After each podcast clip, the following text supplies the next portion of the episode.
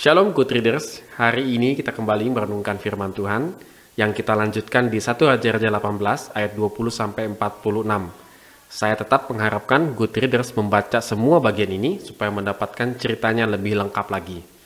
Nah, saudara sekalian, kalau kita mungkin pernah dengar ya lagunya Bang Jago yang cukup terkenal beberapa waktu yang lalu, mungkin Elia ini seperti Bang Jago yang berani menantang nabi-nabi Baal yang berjumlahnya sampai ratusan orang dan terutama Raja Ahab pun dia tantang.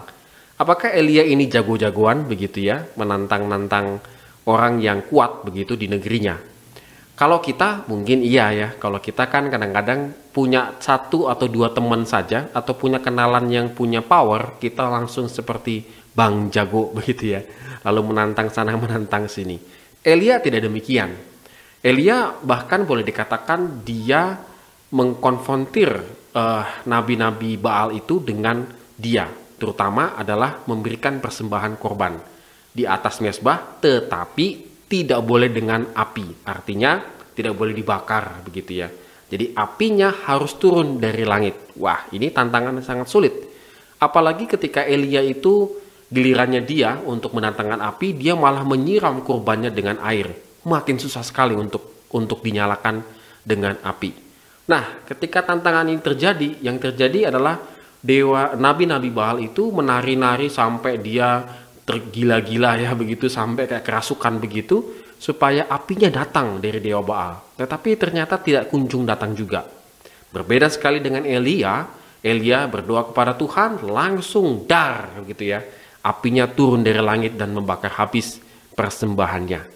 Nah, Kenapa Elia melakukan aksi bang jagonya ini begitu ya? Bukan karena dia jago-jagoan, tidak, tetapi terutama adalah supaya bangsa Israel melihat mana dewa Baal, mana kuasanya Tuhan yang asli, yang sesungguhnya. Dan Elia melalui pertunjukannya ini boleh dikatakan begitu, memperlihatkan bahwa Tuhan itu nyata hidup ada. Asalkan kau setia dan beriman kepada Tuhan, maka dia akan memberikan yang terbaik yaitu pada saat itu dibutuhkan adalah api untuk membakar uh, persembahan korbannya. Dan tidak hanya di situ saja, kalau kita perhatikan juga bahwa Elia mengatakan bahwa sebentar lagi hujan, padahal sudah tiga tahun tidak hujan. Dan mereka melihat juga keajaiban Tuhan yang sesungguhnya. Turunlah hujan, padahal sudah tiga tahun kemarau dan segala macam, akhirnya turun hujan. Ini semua adalah pemberian daripada Tuhan Allah yang hidup. Dan Elia mendemonstrasikan hal ini supaya bangsa Israel melihat siapa Tuhan yang Elia sembah, siapa yang di mana Elia itu setia yaitu kepada Tuhan Allah yang hidup.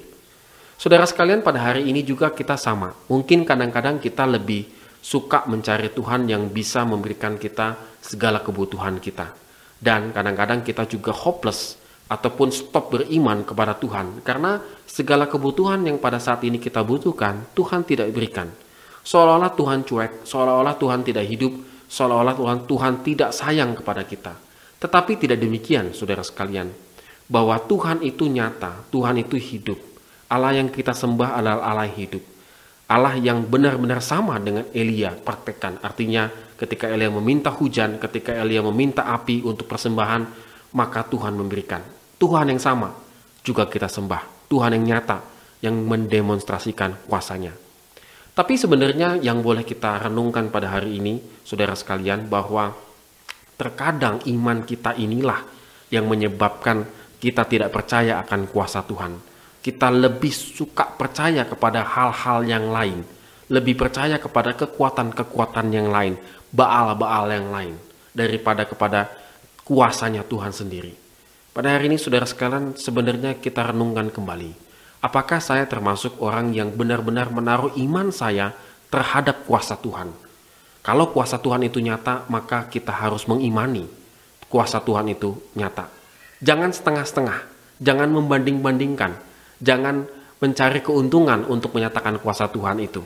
Artinya, kalau Tuhan tidak kasih, maka jalannya di sini. Kalau Tuhan begini, maka saya begini. No, Terkadang kita ada satu waktu kita percaya full kepada Tuhan, pada kuasa Tuhan.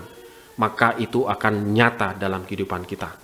Oleh karena itu good readers, pada hari ini mari kita renungkan kuasa Tuhan nyata melalui kehidupan kita. Mari kita beriman dan kita nyatakan kuasa Tuhan sepenuhnya dalam kehidupan kita. Amin. Tuhan Yesus memberkati kita semua.